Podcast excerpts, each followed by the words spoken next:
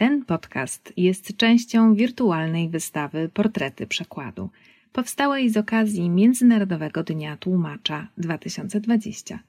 Wystawa dostępna jest online pod adresem dzieńtłumacza.pl.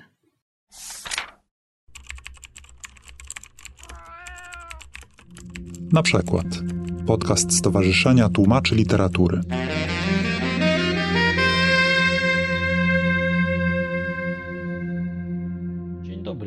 Nazywam się Sebastian Musielak, jestem tłumaczem literatury anglojęzycznej i fińskiej.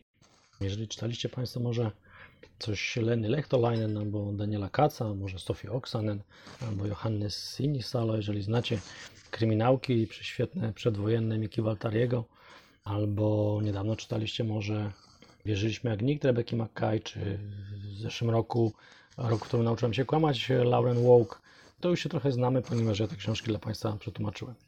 Dziś z okazji Międzynarodowego Dnia Tłumacza chciałbym się podzielić radością, jaką miałem z tłumaczenia książki Tomiego Kinunena Inny niż my, tak to się nazywa po polsku, w wydaniu oryginalne Lopotti. Jest kilka powodów, dla których chciałbym się tą książką z Państwem podzielić. Przede wszystkim no, Tommy Kinnunen jest świetnym pisarzem, choć za takiego się nie uważa, jest po prostu nauczycielem języka fińskiego w Turku. Dość późno zaczął pisać, w wieku 41 lat. Opublikowany został jego debiut literacki Cztery Drogi, które ukazało się u nas w 2015 roku. Inny niż my to jest niejako kontynuacja, rozszerzenie, uzupełnienie, można powiedzieć, tej wcześniejszej sagi tych czterech dróg. Niemniej czyta się to w zasadzie jako niezależną książkę. Są tam oczywiście bohaterowie drugiego, trzeciego planu, którzy występują w czterech drogach, niemniej śledzimy ich losy zupełnie jakby z innej strony. I oczywiście znajomość czterech dróg nie utrudnia, bynajmniej lektury daje jakiś dodatkowy wymiar, pozwala na dostrzeżenie tych samych scen, które opisywane były w czterech drogach z innej perspektywy, oczami innego bohatera. Ale jak mówię, ta książka się doskonale broni jako osobna rzecz i to był jakiś może drugi powód, dla którego uważam, tę książkę warto, którą warto sięgnąć. To jest po prostu świetna opowieść o losach ludzi, których albo nie zauważamy, albo nie chcemy o nich wiedzieć, albo ich po prostu nie lubimy.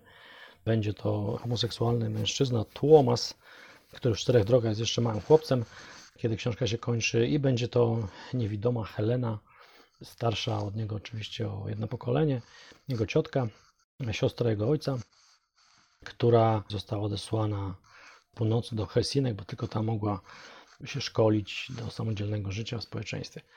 No i tam też w Helsinkach ląduje raz na jakiś czas, znajduje się tam Tuomas, zadzierzgać taka nić wielkiej sympatii i, i zrozumienia.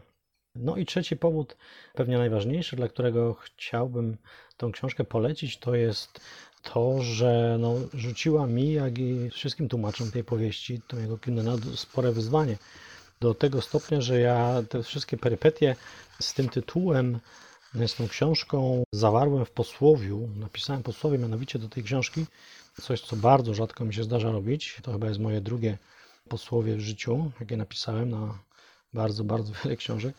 I pomyślałem sobie, że ja po prostu Państwu to posłowie przeczytam w ramach wyjaśnienia, czego tak bardzo akurat tę książkę chcę Państwu polecić. Od tłumacza. Prońko zamiast Eurowizji, czyli tłumaczy tłumaczy. Tommy Kinnunen znów nas tłumaczy urządził. Późny debiutant, który już pierwszym strzałem wydaną w 2014 roku powieścią Cztery Drogi wybił się bardzo wysoko na fiński firmament literacki, ma nie tylko coś do powiedzenia w ważnych sprawach społecznych, lecz także opakowuje swój przekaz w formę, której nie da się bezstratnie przełożyć na inny język.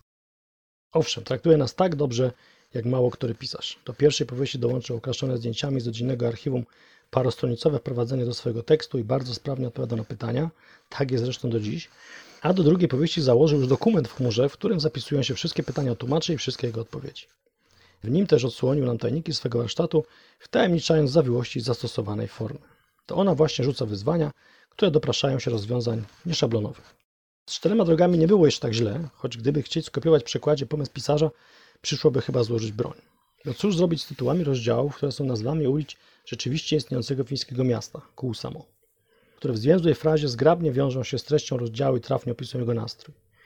Czy dałoby się zastąpić to uliczne Kuusamo, a nieraz wymienione z nazwy na stronach powieści, lecz obecne w realistycznych opisach i prawdziwej geografii, prawdziwymi nazwami ulic prawdziwego polskiego miasta z cegły i betonu?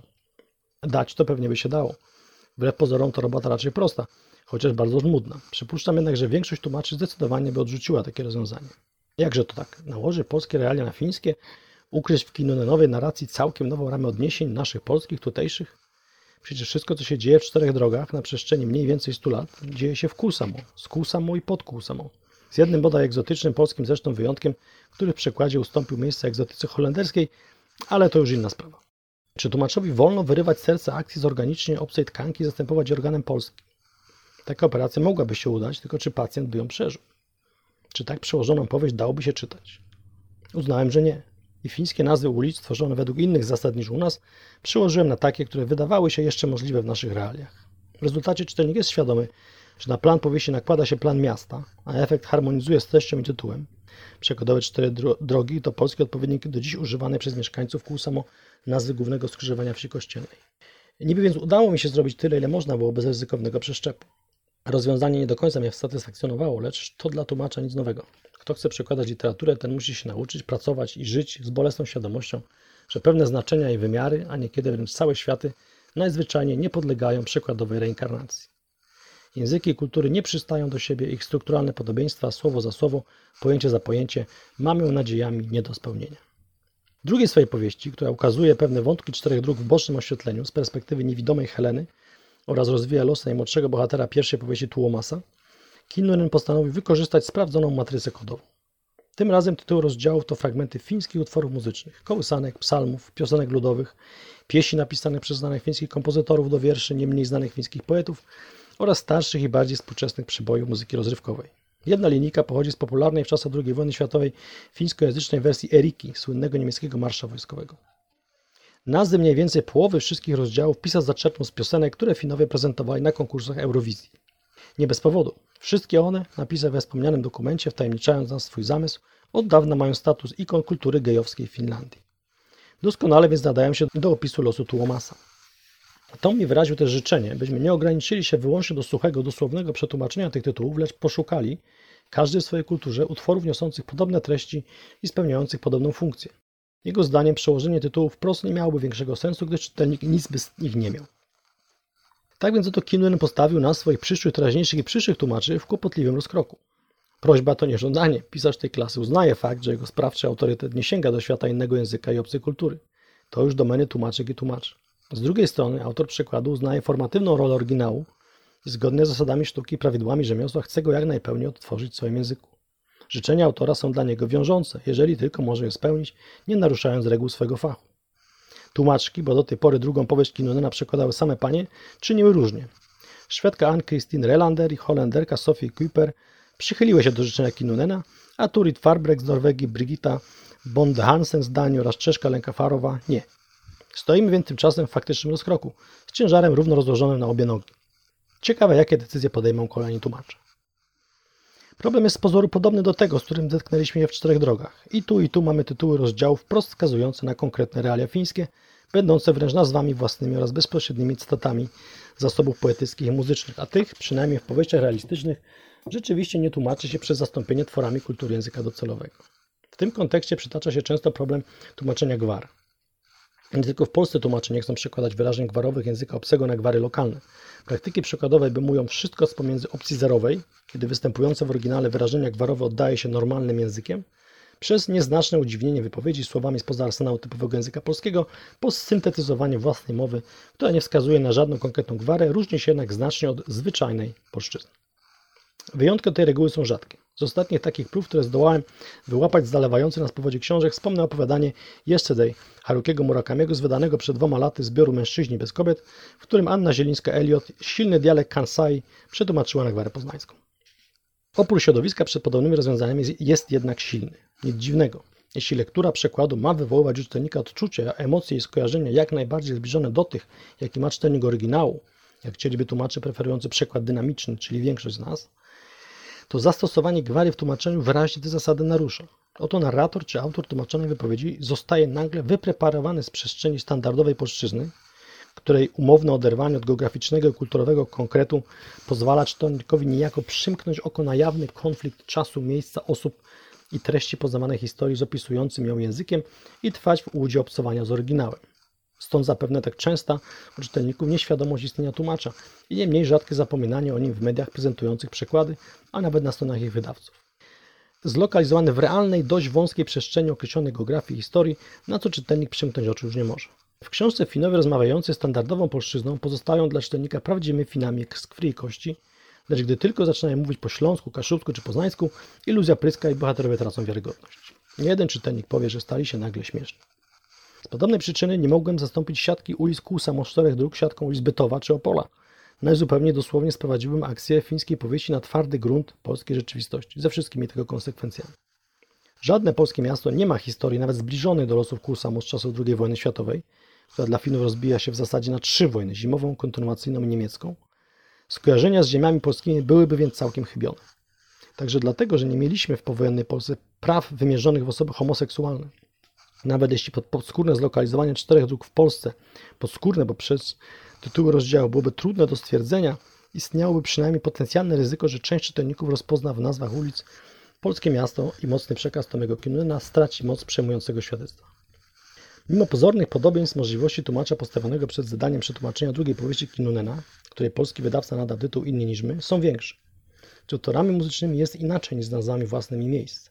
Tu geografia schodzi na dalszy plan i potrafię sobie wyobrazić, że polski czytelnik obcujący z tytułami rozdziałów, które podczas lektury fińskiej powieści wywołują z jego pamięci polskie utwory muzyczne, nadal pozostaje w owej umownej sferze, gdzie Finowie mogą mówić i śpiewać, krzyczeć i przeklinać po polsku, nie tracąc ani na moment wiarygodności i tożsamości. Gdybym w innych niż my zastosował strategię tłumaczeniową z czterech dróg, przekładając tytuły rozdziałów tak, by wyglądały na fragmenty wierszy, pozbawiłbym czytelników tego wszystkiego, co mają czytelnicy fińscy. Wywoływanej przez każdy tytuł melodii i związanego z nią nastroju, wzruszeń i uniesień towarzyszących rozpoznaniu w niektórych swoich kultowych hymnów oraz głębokiej identyfikacji z przekazem, jaki niosą ich słowa. Uznałem, że to za dużo, by z tego rezygnować. Starałem się więc tak dobierać fragmenty utworów, by nie tylko miały jakieś odniesienie do tego, co się dzieje w danym rozdziale, lecz tak, żeby nastrój całości zgadzał się, choćby w przybliżeniu, z nastrojem, jaki oryginalny utwór tworzy u Kinunena. Oczywiście istnieje ryzyko, że podstawiony w miejsce fińskiego nowy, polski zestaw znaczeń, skojarzeń i nastrojów okaże się dla niektórych czytelników nazbyt swojski i opowieść straci swoją umowną autentyczność. Dla nich najważniejsze skojarzenia nie będą związane z tekstem piosenki czy klimatem, jaki tworzy, lecz z szerszymi odniesieniami związanymi z osobą autora utworu, czasem i miejscem jego powstania, z określoną formacją subkulturową właściwą tylko polskiej kulturze itd. Tak Zdaję sobie z tego sprawę i godzę się z tym, że niektórzy czytelnicy uznają przyjęte to rozwiązanie za nieudane. Żywię jednak nadzieję, że większości nie utrudni to czytania, lecz wręcz odwrotnie, uprzyjemni wzbogaci lekturę, poszerzając ją o dodatkowe wymiary. Prawdopodobnie wielu utworów czytelnik nie rozpozna po krótkim fragmencie złożonym z paru zaledwie słów. To celowy zabieg, także przełożony z oryginału, gdzie nie występują tytuły utworów, lecz jedynie pojedyncze linijki lub czasem powiązane w całość fragmenty dwóch wersów. Fińskich przeboj w Eurowizji, które z racji tematyki przesłania obu powieści Kinuna wydają się tu najważniejsze, nie dało się bezpośrednio jeden do jednego przełożyć na polskie piosenki zgłoszone do tego konkursu. Mieliśmy ich zdecydowanie za mało, by wybrać z nich ponad 20 fragmentów pasujących i nastrojem, i tekstem do treści rozdziałów innych niż my. Ale polskie środowisko gejowskie upodobało sobie piosenkarki i piosenkarzy, którzy nigdy nie trafili do Eurowizji i to do ich twórczości sięgnąłem. Wszyscy oni śpiewają o tym samym, o czym Finowie w swoich przebojach. O potrzebie miłości, akceptacji, o odrzuceniu, zawiedzionych nadziejach, o tych samych ludzkich sprawach, które dotyczą każdego z nas bez względu na orientację seksualną. Ta uniwersalność przekazu pozwala moim zdaniem nie tylko na przetłumaczenie słów na słowa, lecz także na zastąpienie fińskich utworów muzycznych, również tych z bardziej klasycznego, starszego repertuaru z rozdziału opisujących losy Heleny i polskimi odpowiednikami. Chciałbym mieć nadzieję, że nasze kołysanki, piosenki ludowe, pieśni, psalmy, starsze szlagiery i nowsze przeboje nie nasuwały czytelnikowi natrętnych skojarzeń z naszą kulturą i naszymi tak różnymi od fińskich uwarunkowaniami, lecz że swoim nastrojem i tym, co w nich uniwersalne, pozwoliły mu choć w pewnej mierze poczuć to samo, co czuł fiński czytelnik powieści Tomiego Kinunena. Nie były to odczucia faktycznie identyczne, tak jak faktycznie identyczne nie są obie wersje powieści, lecz gdyby były identyczne na mocy owej niepisanej umowy między autorem a czytelnikiem, która pozwala nam czytać po polsku powieści tłumaczone z języków obcych bez poczucia obcości, mógłbym śmiało powiedzieć, że wywiązałem się z powierzonego mi zadania. I na koniec jeszcze w tym posłowiu napisałem słowa podziękowania, ponieważ to też ważny powód, by o tej książce wspomnieć w dniu tłumacza. Ta książka by nie powstała bez pomocy koleżanek i kolegów po fachu, a także fachowców spoza naszej branży. Jest to jednak ta część, ten wymiar pracy tłumacza, który jest bardzo ważny. Także uważam, że też warto wiedzieć, że tłumacz nigdy nie tłumaczy w próżni, nie tłumaczy sam, lecz jeżeli chciałby, aby jego przykład był dobry, był autentyczny, musi korzystać z pomocy z zewnątrz i stąd to podziękowanie. Jedną z dwojga głównych bohaterów powieści niż my Tomiego Kinena jest niewidoma Helena. Takich Helen jest wiele, także w Polsce. Mimo, że widzimy, prawie nie dostrzegamy na co dzień, a ponieważ widzimy, nie wiemy, jak takie osoby doświadczają świata. To mi tak głęboko wniknął w tę tematykę, że musiałem zwrócić się po fachową pomoc, by adekwatnie oddać słowie ten nieznany nam świat. Bardzo dziękuję pani Marii Tomaszewskiej, dyrektor specjalnego ośrodka szkolno-wychowawczego dla dzieci niewidomych w Owińskach, za poświęcenie mi swojego cennego czasu mimo nawału obowiązków. Osoby niewidome nie są wcale upośledzone, wręcz odwrotnie. Dzięki wykształceniu przygotowaniu do samodzielnego życia w takich ośrodkach jak Szkoła dla Niewidomych w fińskich Helsinkach czy ośrodek w polskich Owińskach zdobywają kwalifikacje w zawodach, w których nie spodziewalibyśmy się ich spotkać. Helena w powieści Kinena została muzykiem i stroicielką fortepianów. Żeby poprawnie oddać słowie ten wymiar jej świata, ponownie musiałem się zwrócić do wałowców. Gorące podziękowania kieruję do muzyków i stroicieli panu Władysława Stryckiego i Janusza Butryma. Ogromnie mi też pomogły pani Justyna Gertner-Piechel i Anna Butrym, którym jestem wielce zobowiązany. Tak kończy się to posłowie, a żeby jeszcze może uzmysłowić, jak wiele tutaj mamy polskich utworów, jakiego rodzaju są to utwory, powiem, że mamy 50 rozdziałów w tej książce, mniej więcej tego około, nie pamiętam dokładnie co do jednego. I chociaż niektórych wykonawców to może odczytam, żeby uzmysłować Państwu, z czym będziecie mieli do czynienia, jeżeli po tą książkę sięgniecie. A więc mamy tu Mieczysława Foga, mamy Janusza Radka, mamy Katiuszę, Kasienka, wersja polska, mamy Dzisławę Sośnicką, mamy zespół Baim, mamy Annę Marię Jopek, Halinę Frąckowiak, Seweryna Krajewskiego, Kazika Staszewskiego, mamy grupę Myslowic, mamy Lecha Janerkę, mamy Irenę Santor, mamy grupę Mazowsze, mamy Małgorzatę Ostrowską, Alicję Majewską, mamy panią Sławę Przybylską, Szulę Sipińską, Andrzeja Rybińskiego, mamy wręcz Stanisława Moniuszkę y, ze słowami Adama Mickiewicza. No jest naprawdę w czym wybierać. Serdecznie zachęcam do przeczytania tej książki. Dziękuję bardzo. Wysłuchali Państwo na przykład podcastu Stowarzyszenia Tłumaczy Literatury.